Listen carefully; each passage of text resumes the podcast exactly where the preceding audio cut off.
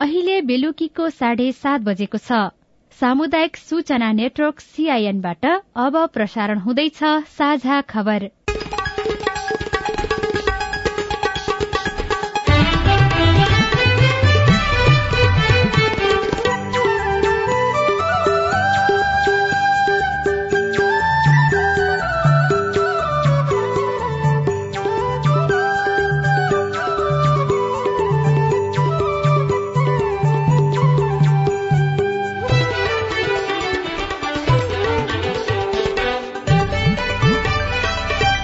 सीआईएनको साझा खबरबाट लील प्रकाश चन्दको नमस्कार। साझा खबर देशभरिका सामुदायिक रेडियो सीआईएन खबर डट कम र मोबाइल एप सीआईएनमा पनि सुन्न सकिन्छ।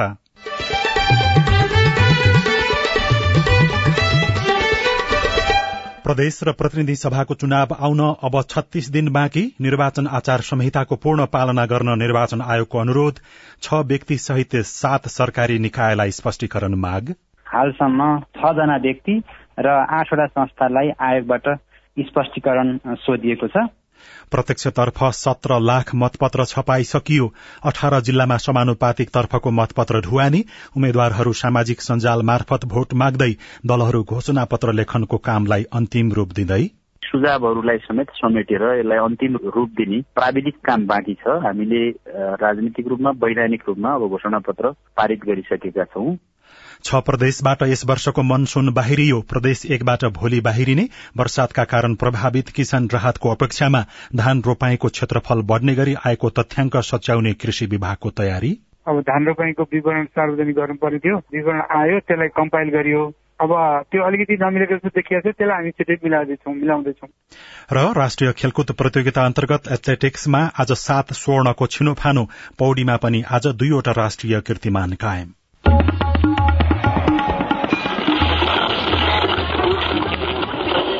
सयौं रेडियो। हजारौं रेडियो कर्मी र करोड़ौं नेपालीको माझमा यो हो सामुदायिक सूचना नेटवर्क सीआईएन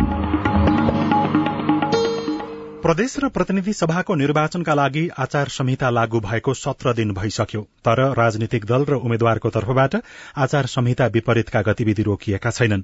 विकास निर्माण र समृद्धिका नाममा आश्वासन दिने संवेगात्मक रूपमा प्रलोभन वा चेतावनीका घुमाउरो भाषाहरू प्रयोग गर्न थालिएको छ। यस्ता कार्य बन्द गरी मतदाताको आफ्नै विवेकको प्रयोग हुने वातावरण मिलाउन राजनैतिक दल नियमनकारी निकायले विशेष ध्यान दिनुपर्छ। मंगिर चार गते हुने प्रतिनिधि सभा तथा प्रदेश सभा चुनाव आउन अब छत्तीस दिन मात्रै बाँकी रहँदा उम्मेद्वारहरूले प्रचार प्रसारलाई तीव्र बनाएका छन्। उम्मेद्वारहरू आफ्नो निर्वाचन क्षेत्रमा जाने तथा मतदाताहरूलाई भेट्ने र भोट माग्ने गरिरहेका छन्। उम्मेद्वारहरूले यसपालिको निर्वाचनका लागि सामाजिक सञ्जाल मार्फत आफ्नो उम्मेद्वारीको प्रचार बढ़ाएको पाइएको छ। फेसबुक टिकटक ट्विटर जस्ता सामाजिक सञ्जालको माध्यमबाट आफ्ना एजेण्डा प्रस्तुत गर्ने आफूलाई भोट दिन अनुरोध गर्ने तथा भोट माग्न हिँडे को बारेमा पनि जानकारी गराउने गरिरहेका छन्। स्थानीय तह निर्वाचनमा पनि सामाजिक सञ्जाल मत माग्ने राम्रो माध्यम बनेको थियो। यसपालि यो दर बढ़ने सरोकारवालाको बुझाइ छ। सामाजिक सञ्जालबाट प्रचार गर्नुका सबल र दुर्लभ दुर्बल दुवै पक्ष रहेको उनीहरू बताउँछन्। सीआईएनसँग कुरा गर्दै एकजना अनुसन्धानकर्ता उज्जवल आचार्यले सामाजिक सञ्जालको सदुपयोगमा उम्मेद्वारहरूले पनि ध्यान दिनुपर्ने बताउनुभयो। उम्मेद्वारहरूले चाहिँ सामाजिक सञ्जाल फेसबुक प्रयोग गरेर प्रचार गर्ने क्रम चाहिँ बढ्दो देखिएको छ। सामाजिक सञ्जाललाई प्रयोग गरेर विज्ञापन गर्दाखेरिका फाइदाहरू छन्। त्यो भनेको आफूले चाहेका मतदाताहरूसँग मात्रै पुग्न सकियो उमेर समूहमा मात्रै पुग्न सकियो पेसागत हिसाबले फरक खालका मेसेजिङहरू छ भने त्यो फरक खालका मेसेजिङहरूलाई हेरेर पनि विज्ञापन गर्न सकियो।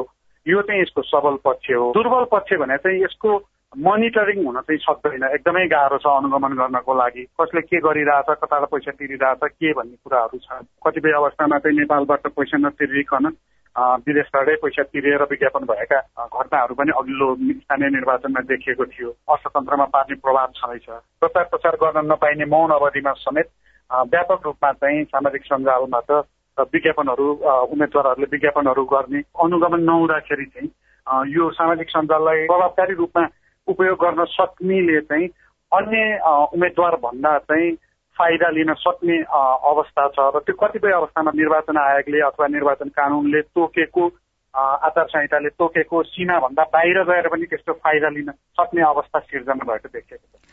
निर्वाचन आयोगले भने उम्मेद्वारहरूलाई निर्वाचन आचार संहिता पूर्ण रूपमा पालना गर्न अनुरोध गरेको छ। प्रमुख निर्वाचन आयुक्त दिनेश कुमार थपलियाले निर्वाचन आचार संहिता दुई हजार उनासीलाई कड़ाईका साथ पालना गर्न तथा गराउन निर्देशन दिनुभयो। पोखरामा आज आयोजित कार्यक्रममा प्रमुख निर्वाचन आयुक्त थपलियाले आचार संहिताको उल्लंघन गरेको देखिएमा तत्काल आयोगमा लिखित वा मौखिक जानकारी दिन पनि आग्रह गर्नुभयो। आचार संहिताको उल्लंघन गर्ने उम्मेद्वारलाई चौविस घण्टाभित्र स्पष्टीकरण सोध्न आयोगले तोके गरेका अनुगमन अधिकृतलाई उहाँले निर्देशन पनि दिनुभयो। प्रतिनिधि सभा र प्रदेशसभा निर्वाचन कार्यक्रम शुरू भए यता निर्वाचन आयोगले चौधवटा स्पष्टीकरण सोधेको छ जसमा पार्टीका मुख्य नेता उम्मेद्वार व्यक्ति संस्था पार्टी मन्त्रालय सरकारी कार्यालय समेत रहेका छन्। आयोगले यसअघि माओवादी केन्द्रका अध्यक्ष पुष्पकमल दाहाल प्रचण्डलाई उम्मेद्वारी दर्ताका क्रममा किन बाजागाजा लगेको भन्दै स्पष्टीकरण सोधेको थियो। जवाफमा प्रचण्डले आफ्नो उम्मेद्वारीको समयमा कसले बाजा बजाएछ आफूलाई थाहा नभएको स्पष्टीकरण दिनुभएको छ। सीआईएनसँग कुरा गर्दै आयोगका सहप्रवक्ता कमल भट्टराई।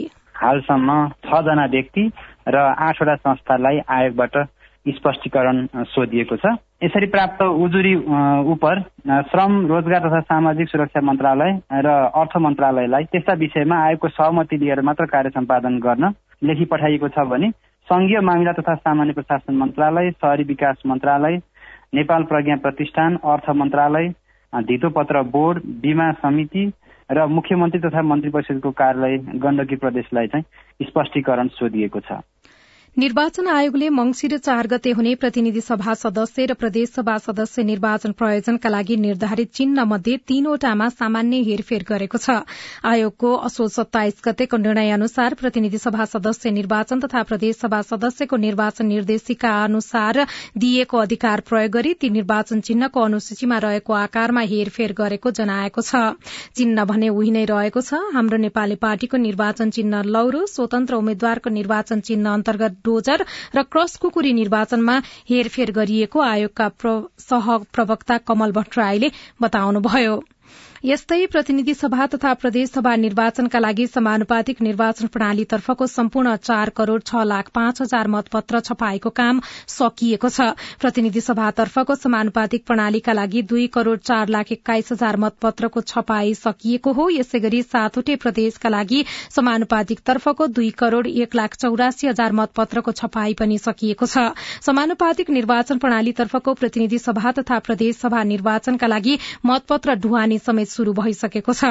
हालसम्म अठारवटा जिल्लामा समानुपातिक निर्वाचन प्रणालीतर्फको मतपत्र ढुवानी भएको आयोगले जनाएको छ। जसमा खोटाङ ओखलढुङ्गा सोलुखुम्बु उदयपुर सप्तरी महोत्तरी धनुषा सिरहा ताप्लेजुङ पाँचथर इलाम झापा संखुवासभा तेह्रथुम भोजपुर धनकुटा मोरङ र सुनसरी रहेका छन्। यस्तै प्रत्यक्षतर्फको मतपत्र छपाईको काम पनि भइरहेको छ। हालसम्म प्रत्यक्षतर्फ सत्र लाख मतपत्र छपाई सकिएको आयोगले जनाएको छ। निर्वाचन नजिकिँदै गर्दा दलहरू घोषणा पत्र लेखनको कामलाई पनि अन्तिम रूप दिँदैछन्। हिजो केन्द्रीय कार्य सम्पादन समितिबाट संशोधन सहित पारित भएको घोषणा पत्रलाई कांग्रेसले केही दिनभित्रमा नै अन्तिम रूप दिने तयारी गरेको छ। सुझावहरूलाई समेटेर छिट्टै घोषणा पत्र सार्वजनिक गर्ने सहमहामन्त्री बद्री पाण्डेले सीआईएनसँगको कुराकानीमा बताउनुभयो। कार्य सम्पादन समितिमा सुझावहरू चाहिँ थपिएका छन् सुझावहरू आएका छन्। ती सुझावहरूलाई समेत समेटेर यसलाई अन्तिम रूप दिने प्राविधिक काम बाँकी छ। हामीले राजनीतिक रूपमा वैधानिक रूपमा अब घोषणा पत्र पारित गरिसकेका छौँ। केही दिनभित्र समा सुझावहरूलाई समाविष्ट गरेर यसले अन्तिम रूप पाउँछ। त्यसपछि जिल्लाहरूमा हामी वितरण शुरू गर्छौँ। जिल्लाहरूमा घोषणा पत्र चाहिँ पठाउने काम अगाडि बढ्छ। यस्तै नेकपा एमाले पनि केही दिनभित्रै घोषणा पत्र लेखनलाई अन्तिम रूप दिने भएको छ। आज अध्यक्ष केपी शर्मा ओली सहितका केही नेताहरू घोषणा पत्र लेख्नको लागि भन्दै ललितपुरको एउटा रिसोर्टमा पुगेका थिए। यसै गरी माओवादी केन्द्रले पनि घोषणा पत्र लेखनको कामलाई अन्तिम रूप दिने जनाएको छ। माओवादी केन्द्र र एकीकृत समाजवादीले संयुक्त घोषणा पत्र जारी गर्ने भनिए पनि अब छुट्टा छुट्टै घोषणा पत्र बनाउने गरी लेखनको काम भइरहेको नेताहरूले बताएका छन्। यसैबीच सत्तारूढ़ गठबन्धनमा सहभागी सहभागी दलहरूले देशका सातै प्रदेशमा संयुक्त भेला गर्ने भएका छन्। नेपाली कांग्रेस माओवादी केन्द्र नेकपा एकीकृत समाजवादी र राष्ट्रिय जनमोर्चाको बैठकले प्रदेश स्तरीय भेला गर्ने निर्णय गरेको बैठकले जारी गरेको संयुक्त विज्ञप्तिमा उल्लेख छ। कृषि विभागले धान रोपाईको क्षेत्रफल बढ़ने गरी आएको तथ्याङ्क सच्याउने भएको छ। प्रदेश एकबाट प्राप्त तथ्याङ्कमा त्रुटि पाइएपछि वास्तविक विवरण पठाउन निर्देशन दिइएको विभागका महानिर्देशक डाक्टर रेवती रमण पौडेलले सीआईएनसँग बताउनुभयो। केही दिन अघि विभागले दुई हजार उनासी सालको साउनसम्ममा मुलुकभरमा चौध लाख अठाइस हजार चार सय नौ हेक्टरमा रोपाई भएको तथ्याङ्क सार्वजनिक गरेको थियो। दुई हजार अठहत्तरको तुलनामा धान रोपेको उक्त क्षेत्रफल पचासी हजार पाँच सय उनानब्बे हेक्टरले बढ़ी भएको पाइएपछि कृषि मन्त्रालयले पनि चासो देखाएको थियो। महानिर्देशक पौडेलले धान रोपेको क्षेत्रफल नबढ़ेको बताउनुभयो। अब त्यसलाई हामीले चाहिँ मन्त्रालयसँग समन्वय गरेर यो तथ्याङ्क चाहिँ यो मिलाउने कामहरू हामी गरिरहेको छौँ। त्यसलाई अलिकति भेरिफाई गर्नु पर्यो अब त्यति बेला हामीले अब धान रोपाईको विवरण सार्वजनिक गर्नु पर्ने थियो। विवरण आयो त्यसलाई कम्पाइल गरियो। अब त्यो अलिकति नमिलेको जस्तो देखिएको छ त्यसलाई हामी छिटै मिलाउँदैछौँ मिलाउँदैछौँ। हाम्रो सन्तानब्बे पर्सेन्ट रोपाई भयो भन्ने हिसाबले हामीले पानी चाहिँ अलिकति कम परेको हुनाले यसपालिको अनुमान चाहिँ हाम्रो पन्चानब्बे पर्सेन्ट चौरानब्बे समथिङ पन्चानब्बे पर्सेन्ट जति धान रोपाई भएको भनेर चाहिँ हामीले चाहिँ रिपोर्टिङ गरिरहेको छौँ होइन? त्यो करेन्ट स्ट्याटिस्टिक्स त्यही नै हो है? तथ्याङ्क चाहिँ नमिलेको कुरा हामीलाई पनि फर्किरहेको छ हामी त्यसमा काम गरिरहेछौँ कि? महानिर्देशक पौडेलका अनुसार केही दिन अघिसम्म परेको लगातारको पानीका कारण भएको क्षतिको विवरण पठाउन पनि प्रदेश सरकारहरूलाई भनिएको छ। करिब एक हप्तामा क्षतिको विवरण आउने र त्यसपछि मात्रै राहत दिने वा नदिने भन्ने बारेमा निर्णय लिने विभागले जनाएको छ। साझा खबरमा अब खेल खबर। नवौं राष्ट्रिय खेलकुद प्रतियोगितामा एथलेटिक्स अन्तर्गत आज सातवटा स्वर्ण पदकको छिनोफानो भएको छ जसमध्ये नेपाली सेनाले तीन सशस्त्र प्रहरीको एपीएफ क्लबले दुई तथा नेपाल प्रहरी र बागमती प्रदेशले एक एक स्वर्ण पदक जिते। सेनाले सय मिटर महिला सटपुट पुरूष र पन्ध्र सय मिटर पुरूष दौड़मा स्वर्ण जितेको हो।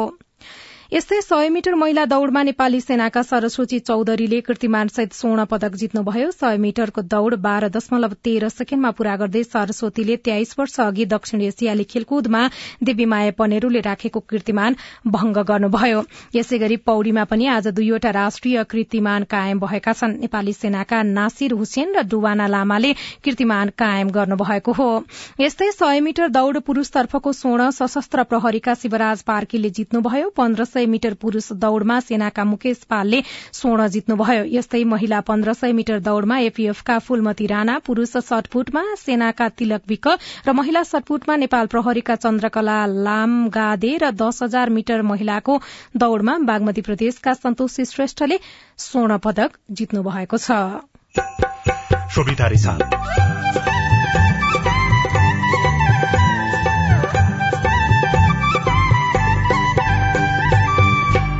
लगातारको वर्षापछि पहिरोको जोखिमयुक्त बस्ती रित्तिँदै?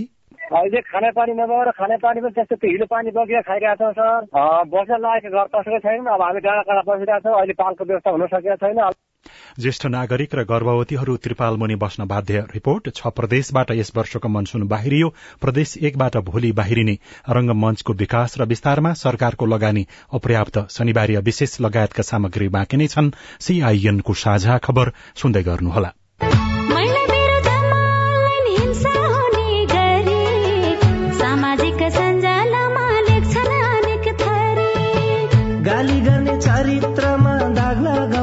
खोज्ने झुटा आरोप लगाएर भरम फैलाउने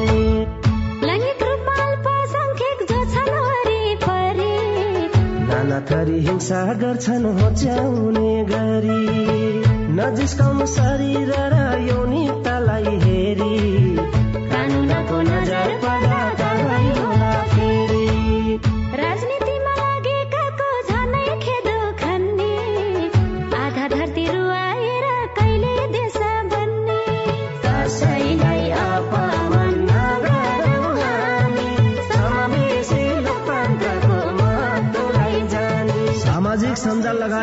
अनलाइनमा हुने मिथ्या समाचार दुष्प्रचार र घृणा जन्य अभिव्यक्ति कानूनी रूपमा दण्डनीय छ।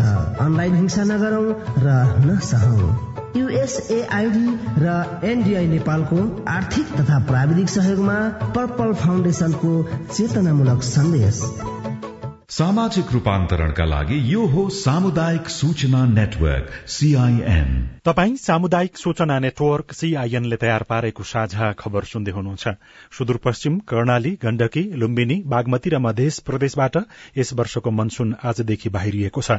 जल तथा मौसम विज्ञान विभाग मातहतको मौसम पूर्वानुमान महाशाखाका अनुसार गत भदौ बाइस गते नेपालको पूर्वी भागबाट प्रवेश गरेको यस वर्षको मनसून आज बाहिरिएको हो। बाँकी भूभागबाट पनि मनसून भोलि बाहिरिने र त्यसपछि नेपालमा मनसूनी वर्षा नहुने मौसमविद वरूण पौडेलले सीआईएनसँग बताउनुभयो। तत्कालै चाहिँ ठूलो वर्षा बाढ़ी पहिरोको सम्भावना छैन।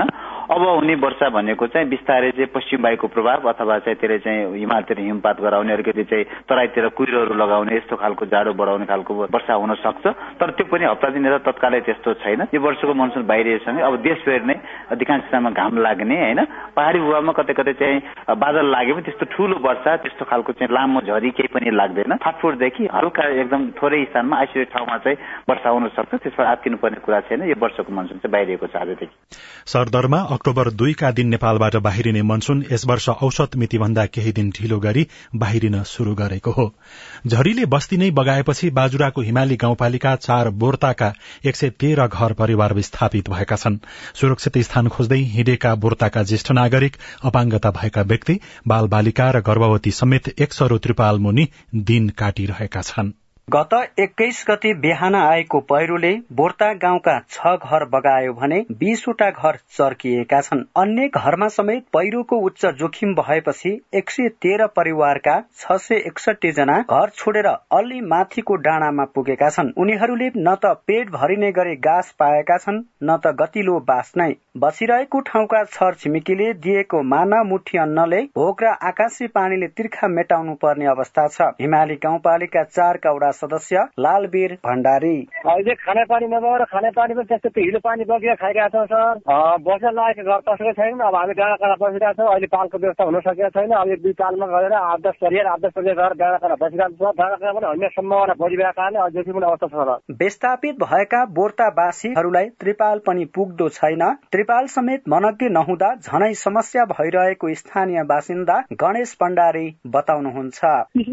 सर होइन? ग्रिन पालहरू त्यो पालमा चाहिँ तपाईँको सोह्रवटा घरपरिवारले त्यो सोह्रवटा पाल वितरण गरेको थियो त्यो सोह्रवटा पाल अनि त्यो सबै गाउँले मिलेर सोह्रवटामा एक सय तेह्र घर दिदी हजुर त्यसमा मिलेर सोह्रवटा पाल नेको गरेर बसिरहेको छ अहिलेसम्म सबैका लागि सकसपूर्ण रहेको यो बसाईमा ज्येष्ठ नागरिक बाल बालिका गर्भवती र दीर्घ रोगीलाई अझ बढी समस्या छ। त्रिपालमा बसिरहेका दीर्घ रोगी पर्वजित कार्की। पालपट्टि बसेको त्यस्तै छ सर्ने दाउरे पनि छैन यस्तै छ अनि पानी पनि त्यस्तो पिने पानी पनि छैन यता अहिले पानी कहाँ टुट्यो कहाँ भाग्यो चिसो भएर झन् गाउँपालिकाको केन्द्र धुलाचौरबाट पाँच छ घण्टाको पैदल दूरीमा पर्ने बोर्ता गाउँ पुग्न बाटो पनि अवरुद्ध भएका कारण आवत जावतमा कठिनाई भएको छ। गाडी चल्ने सड़क नपुगेको र भिरालो जमिनको ठाउँ ठाउँमा पहिरो खसिरहने भएकाले उद्धार र राहत वितरण गर्न समस्या भएको हिमाली गाउँपालिकाका प्रमुख प्रशासकीय अधिकृत राज बहादुर भण्डारी बताउनुहुन्छ। बाटो अवरुद्धका कारणले समयमा त्यहाँ चाहिँ उहाँहरूलाई खाद्यान्न लगायत अन्य चाहिँ राहतका सामग्रीहरू उपलब्ध गराउनको लागि कठिनाई परेको थियो र आज चाहिँ हिमाली गाउँपालिका कार्यालयले आफ्नै पहलमा तिरपाल भाँडाकुँडाहरू अन्य चामल लत्ता कपडा खाद्यान्न लगायत केही चाहिँ राहत चाहिँ उपलब्ध गराएको छ तर गाउँमा अझै पनि गाउँ चाहिँ पूर्ण रूपमा चाहिँ जोखिम भएको हुनाले गाउँमा फर्किन सक्ने अवस्था छैन। झण्डै एक महिनादेखिको झरीका कारण बाजुराका नौवटै स्थानीय तहका बासिन्दा प्रभावित भएका छन्। त्यसमा पनि कुन्ना क्षेत्रका चारवटा स्थानीय तहमा अझ बढी नोक्सानी भएको छ। दर्जनौ बस्ती जोखिममा परेका छन् भने सयौं स्थानीय बासिन्दा घर छोड्न बाध्य भएका छन्। सरकारले खाने बस्ने व्यवस्था नगर्दा उनीहरूलाई घाउमा नुनचुक छर्के जस्तो भएको छ। जीवन कैला सीआईएन रेडियो बुढी नन्दा कोल्टी बाजुरा। साझा खबरमा अब हेलो सीआईएन स्नेहा कर्णबाट। नमस्कार म राजेन्द्र बुढा मगर बागलुङ जिल्ला ढरपाता नगरपालिकाबाट। मैले मेरो पन्ध्र रोपनी बाँझो जमिनमा चाहिँ दाँते ओखर लगाउने सोच गरेको छु र उक्त दाँते ओखरको गुणस्तर खालको बिरुवा मैले कहाँबाट कसरी पाउन सक्छु होला र अर्को कुरा मेरो यो कार्यक्रममा स्थानीय सरकारबाट कुनै पनि खालको सहयोग पाउँछु कि पाउँदैन होला मैले। दाँते ओखरको उन्नत जातको बिउ बारे तपाईँको जिज्ञासा मेटाइदिनका लागि हामीले कृषि ज्ञान केन्द्र बागलुङका प्रमुख भानुभक्त भट्टराईलाई भनेका छौं कृषि ज्ञान केन्द्रमा सम्पर्क गर्नु पर्यो। कृषि ज्ञान केन्द्रको कार्यक्रम पनि छ। हामीले त्यो इटलीबाट आउने हाइब्रिड नेसनल लेभलबाटै ल्याउनु पर्ने भएकोले टेन्डरबाट ल्याउनु पर्छ निर्देशना ल्याउँछ। हामीले नर्मल बिउहरू बिरुवा ओखरको बिरुवाहरू हामी वितरण गर्छौँ। कार्यालयमा कार्यक्रम पनि छ एप्लिकेसन दिने समय पनि छ। कृषि ज्ञान केन्द्रमै यही मलाई नै सम्पर्क गर्न भनौँ न। तिहारपछि हामी सूचना निकाल्छौँ बिरुवाको लागि। तपाईँको अर्को जिज्ञासामा ढोरपाटन नगरपालिकाको कृषि शाखाका प्रमुख महेन्द्र अधिकारी भन्नुहुन्छ। ओखरको बिरुवा लाउने सिजन पुस माघ भएकोले मङ्सिरसम्म हामीले सूचना निकालिन्छ। उहाँहरूलाई सूचना निकालेपछि ढोरपाट नगरपालिकाको कृषि शाखामा आएर उहाँहरूले आवेदन दिएर बिरुवा लिएर मजाले लाउन सक्नुहुन्छ। अब उहाँहरूलाई त्यहाँभन्दा धेरै कुनै आवश्यक परेको खण्डमा हाम्रो ज्ञान केन्द्रको विज्ञ सरहरू हुनुहुन्छ जोनको सरहरू हुनुहुन्छ। त्यहाँभन्दा चाहिँ प्रदेशको निर्देशालय त्यहाँहरूको सरहरूलाई पनि हामी चाहिँ उहाँहरूसँग परामर्श गराउने तालिम दिने उहाँहरूलाई आवश्यक परेका कुराहरू सिकाउने कामहरू गरिराखेको छ। नमस्कार म विमल खत्री पञ्चपुरी दुईबाट अन्य नगरपालिकाहरूले जहिले जहिले पनि भत्ता समयमै बुझाइसक्नुहुन्छ अशक्त ज्येष्ठ नागरिकहरूलाई। हाम्रो पञ्चपुरी नगरपालिकाले जहिले पनि ढिलो गर्नुहुन्छ यो किन होला? तपाईँको प्रश्नमा पञ्चपुरी नगरपालिकाका प्रमुख प्रशासकीय अधिकृत गोकर्णनाथ योगीको जवाब छ। हाम्रो चाहिँ अहिले हिसाब मिलान हुन अलिकति ढिला भएको कारणले नभएको अहिले चाहिँ गइसकेको छ। सुरक्षा भत्ता गइसकेको छ। ब्याङ्कहरूले त्यो हिसाब किताब मिलान गर्दाखेरि त्यो नमिलेर ढिलो आएको यो तयार भइसकेर भोलिसम्म जम्मा भइसक्छ। तपाईँ जुनसुकै बेला हाम्रो टेलिफोन नम्बर शून्य एक बान्न साठी छ चार छमा फोन गरेर आफ्नो विचार गुनासो प्रश्न तथा प्रतिक्रिया रेकर्ड गर्न सक्नुहुनेछ। तपाई सामुदायिक सूचना नेटवर्क सीआईएनले काठमाडौँमा तयार पारेको साझा खबर सुन्दै हुनुहुन्छ। साझा खबर मोबाइल एप नेपाली पात्रोबाट पनि सुनिरहनु भएको छ। कलाकारको प्रयासमा टिकेको रंगमञ्च नाटक हामी जुन परिवेशमा जसरी हामी बसिरहेका छौँ हिँडिरहेका छौँ जहाँ छौँ त्यही नाटक हो जस्तो लाग्छ मलाई चाहिँ आफूलाई। नाटक नै खाना नाटक नै पानी नाटक नै जिन्दगानी। यहाँ छु तपाईँसँग बोल्दैछु यो पनि एक किसिमको नाटक नै हो। सरकारी निकायबाट सहयोग नपाएको गुनासो शनिबार विशेष बाँकी नै छ। सीआईएनको साझा खबर सुन्दै गर्नुहोला। रोमा दिदी फेरि चुनाव लागे जस्तो छ नि कताको यात्रा हो?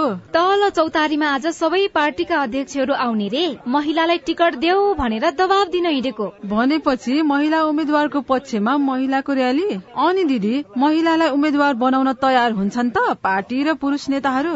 संविधानले तेत्तीस प्रतिशत महिला सहभागिता गराउनु पर्ने भनेको छ। त्यसैले अब महिला उम्मेद्वारलाई मतदान गरी जिताउनु पर्छ क्या? अनि महिला नै किन? पहिलो त जनसङ्ख्याको आधारमा हाम्रो प्रतिनिधित्व हुने कुरा लोकतन्त्रको आधार हो र हाम्रो अधिकार पनि। अर्को महिलाले जितेमा महिला र अन्य पछाडि पारिएका समुदायको मुद्दा सम्बोधन नीतिगत व्यवस्था र कार्यान्वयन प्रभावकारी हुन्छ। सुन्या होला नि जसको सवाल उसकै नेतृत्व। अनि सुन्नु त महिला उम्मेद्वार उठेपछि उनीहरूका घोषणा पत्रमा महिलाका लागि के के विषय राख्ने भन्ने बारे पनि यस्तै खबरदारी गर्नुपर्छ। घोषणा पत्रले महिलाको सवाल समेट्न सक्यो भने पो हाम्रा मुद्दा अगाडि आउँछन्। नेताहरू उत्तरदायी हुन्थे र हामी महिलाहरूलाई पनि भोट दिम दिम लाग्छ नि। महिला उम्मेद्वार उठेपछि महिलाका लागि के के कुरा चाहिन्छ भन्ने बारे त फेरि हामीले नै सुझाव दिने हो क्या? आगामी मंगिर चारको प्रतिनिधि र प्रदेश सभा निर्वाचनका लागि संविधानको व्यवस्था अनुसार महिला उम्मेद्वारलाई मतदान गरौं। महिला पुनस्थापना केन्द्र ओरेक नेम्स केयर नेपाल र सामुदायिक सूचना नेटवर्क सीआईएन सामाजिक रूपान्तरणका लागि यो हो सामुदायिक सूचना नेटवर्क सीआईएन तपाई सामुदायिक सूचना नेटवर्क सीआईएनले काठमाडौँमा तयार पारेको साझा खबर सुन्दै हुनुहुन्छ। नेपालमा नाटक लेखन र मञ्चनको आधुनिक इतिहास खोतल्ने हो भने विक्रम सम्बत उन्नाइस सय नब्बेतिर पुगिन्छ। जति बेला बालकृष्ण समको नाटक उमरेकी छैन गौरी शंकर नाट्य समुदायले सिंहदरबारको नाचघरमा प्रस्तुत गरेको थियो। झण्डै एक शताब्दी लामो यात्रा पार गरे पनि नेपाली रंगमञ्च अझै ओझेलमै छ। टिकट काटेर हलभित्र छिरेका दर्शक कोही कुर्सीमा बसे कोही भुइँमा बसे। कुरा गर्न नगरिदिनु होला। हाँस्न मन लागे रुन मन लागे जति पनि पाइयो नाटकमा। अनि नाटक चलिरहेको बेलामा बीचमा थपडी पनि नबजाइ बत्ती निभ्यो पर्दा खुल्यो। अनि सुरु भयो नाटक हिउँको पृथ्वी यात्रा।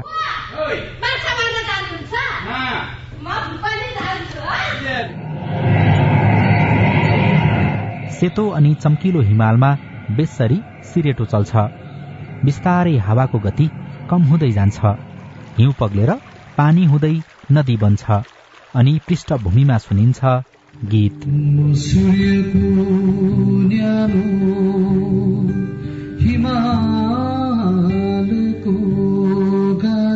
नाटकले नदी र नदीसँग जोडिएका हरेक जीवनको कथा भन्छ। प्रकृति र मानव बीचको सम्बन्धलाई प्रष्ट बनाउँछ। दर्शकहरू शान्त भएर नाटक हेर्छन्। काठमाडौँको शिल्पी थिएटरले प्रस्तुत गरेको नाटक झापाको परिवर्तन थिएटरमा भदौ उन्तिस गते अन्तिम पटक देखाइयो। राम्रो नाटक हेर्न पाएर झापाली दर्शक दङ्ग परे। प्राप्ति भण्डारी। कस्तो लाग्यो नाटक? मलाई अत्यन्तै राम्रो लागेको थियो। के कुरा चाहिँ सबैभन्दा मन पर्यो? मलाई त्यो हल्का सङ्गीतहरू हुन्छ नि त्यो सन्देशहरू दिएको त्योहरू मन परेको थियो। यस्तो नाटकहरू हेर्दाखेरि चाहिँ तपाईँ विद्यार्थीहरूले के के कुराहरू सिक्न सक्नुहुन्छ? हामीले यस्तो नाटकहरू देखाउँदाखेरि धेरै कुरा सिक्न सक्छौँ। पढेर मात्र हुँदैन। आफूले आँखाले देखेको कुरा पनि कहिलेकाहीँ मजाले बुझिन्छ भन्ने हो। मफसल यात्रामा निस्किएको हिउँको पृथ्वी यात्रा झापामा छ पटक मञ्चन गरियो भने राजधानीका पाँच विभिन्न स्थान सहित शिल्पी थिएटरमा तेत्तीस पटक अनि भरतपुर धनुषा र सुनसरीमा बाह्र पटक देखाइयो। अभिनय गर्दै देशभरिका दर्शकसँग जोडिन पाउँदा कलाकार खुसी नहुने कुरै भएन। कलाकार पवित्रा खड्का। भूगोलहरू चिन्दै समुदाय चिन्दै मान्छे चिन्दै त्यो चिजलाई चाहिँ म मेरो क्यारेक्टरबाट देखाउने अर्को कला प्रस्तुत गर्ने त्यो मौका पनि पाइरहेको हुन्छ नि त नाटकले गर्दा। अनि नजिक भएर जस्तो तपाईँले अहिले मलाई नाटक हेर्नुभयो तुरुन्तै भेट भयौँ र फिडब्याक पनि पायो कि। यो कुराले चाहिँ मलाई अझ धेरै तान्छ। कलाकारहरू रंगमञ्चको प्रेममा यसरी बाँधिएका छन् कि उनीहरूलाई अरू कुनै कुरा मतलब हुँदैन। कञ्चनपुरका झकेन्द्र बिसी अभिनयको लहरो समातेर सुदूरपूर्वको झापा पुग्दा मक्ख पर्नु भएको छ। नाटक त अब के भन्नु नाटक हामी जुन परिवेशमा जसरी हामी बसिरहेका छौँ हिँडिरहेका छौँ जहाँ छौँ त्यही नाटक हो जस्तो लाग्छ मलाई चाहिँ आफूलाई। नाटक नै खाना नाटक नै पानी नाटक नै जिन्दगानी। यहाँ छु तपाईँसँग बोल्दैछु यो पनि एक किसिमको नाटक नै हो। रङ्गमञ्च भने चाहिँ तपाईँका लागि सपथोक। सपथोक। राम्रो नाटक लेख्नु र मञ्चन गर्नु कलाकारका लागि सबैभन्दा खुसीको कुरा हो। लेखक तथा निर्देशक घिमिरे युवराज त्यही खुसी बाँड्न हिउँको पृथ्वी यात्रा लिएर देश यात्रामा निस्कनुभयो। यो चाहिँ हामी जसरी राज्य विकेन्द्रीकृत भयो भन्छौँ नि अहिले संघीय प्रणालीमा गयो भन्छौँ नि सम्पूर्ण कुराहरू विकेन्द्रीकृत हुनुपर्छ। काठमाडौँको मान्छेले मात्रै राम्रो नाटक हेर्न पाउने पेन्टिङ हेर्न पाउने म्युजिक सुन्न पाउने भन्ने होइन। काठमाडौँ बाहिर पनि उत्तिकै सृजनात्मक काम गर्नुपर्छ खास गरी सार्वजनिक स्थानलाई चाहिँ सृजनात्मक बनाउनुपर्छ र आम मान्छेको पहुँच हुनुपर्छ भन्ने हो हाम्रो। त्यो भएर हामी बारम्बार यात्रा गरिरहन्छौँ। एउटा रित्तो झोला बोकेर हिँड्न त मान्छेलाई गाह्रो छ। तपाईँ त सिङ्गो टिम बोकेर हिँडिरहनु भएको छ यात्रा गराइरहनु भएको छ। सजिलो कुरा हो र? होइन सजिलो होइन तर आफूले चाहेको काम भएको हुनाले कुनै पनि हालतमा त्यो वातावरण बनाउन सकिँदो रहेछ। यो नाटकको यात्रामा गोजी भरिने त पक्कै होइन। मन भरिन्छ र तपाईँ यात्रा गर्नुहुन्छ यसरी? हो एकदम मनको लागि हो आफ्नो इच्छाको लागि। गोजी त भरिने होइन अनि गोजी भरिएका कति मान्छे खुसी छन् होला र। तर आवश्यक पूर्वाधार र स्रोत साधन नहुँदा राजधानी बाहिर नाटक मञ्चन गर्न सहज छैन। जसो तसो स्थानीय थिएटरले नाटक देखाउँछन्। त्यो पनि कलाकारको एक्लो प्रयासमा। परिवर्तन थिएटरका संस्थापक तथा कलाकार कविता नेपाल। यहाँनिर अब कलाकारहरू उत्पादन गर्ने कुराहरूमा चाहिँ यहाँको समुदाय यहाँको समाजको मनस्थिति यहाँको चेतना स्तर त्यही सिमानाकै छ दस गजाकै छ। एउटा सिर्जनालाई उमार्नका लागि एकदमै धेरै सङ्घर्ष गर्नुपर्छ।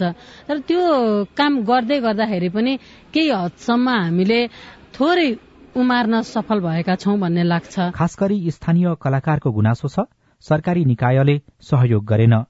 नाटक हेर्नका लागि थिएटरमा आएका मेचीनगरका प्रमुख गोपालचन्द्र बुढाथोकीलाई मैले त्यही गुनासो सुनाए। हामी प्रमोट गर्छौँ। त्यसका निमित्त नीति कार्यक्रम हामीले बनाउँदैछौँ बनाइरहेका छौँ र केही स्थानीय यो परिवर्तन थिएटर भन्ने आफ्नै यहीँका चेलीहरू यहीँका बहिनीहरू यहीँका साथीभाइहरूले आफ्नै प्रयत्नबाट आफ्नै श्रमबाट आफ्नै कोसिसबाट राज्यले खास गरिकन कुनै किसिमको वातावरण सिर्जना नगरिकन पनि आफ्नै प्रयत्नबाट जहाँसम्म पुग्नु भएको छ त्यहाँबाट उहाँहरूलाई तल झर्न नदिने गरी अझै प्रमोट गर्ने गरीको हामी राज्यको तर्फबाट वातावरण बनाउँछौँ।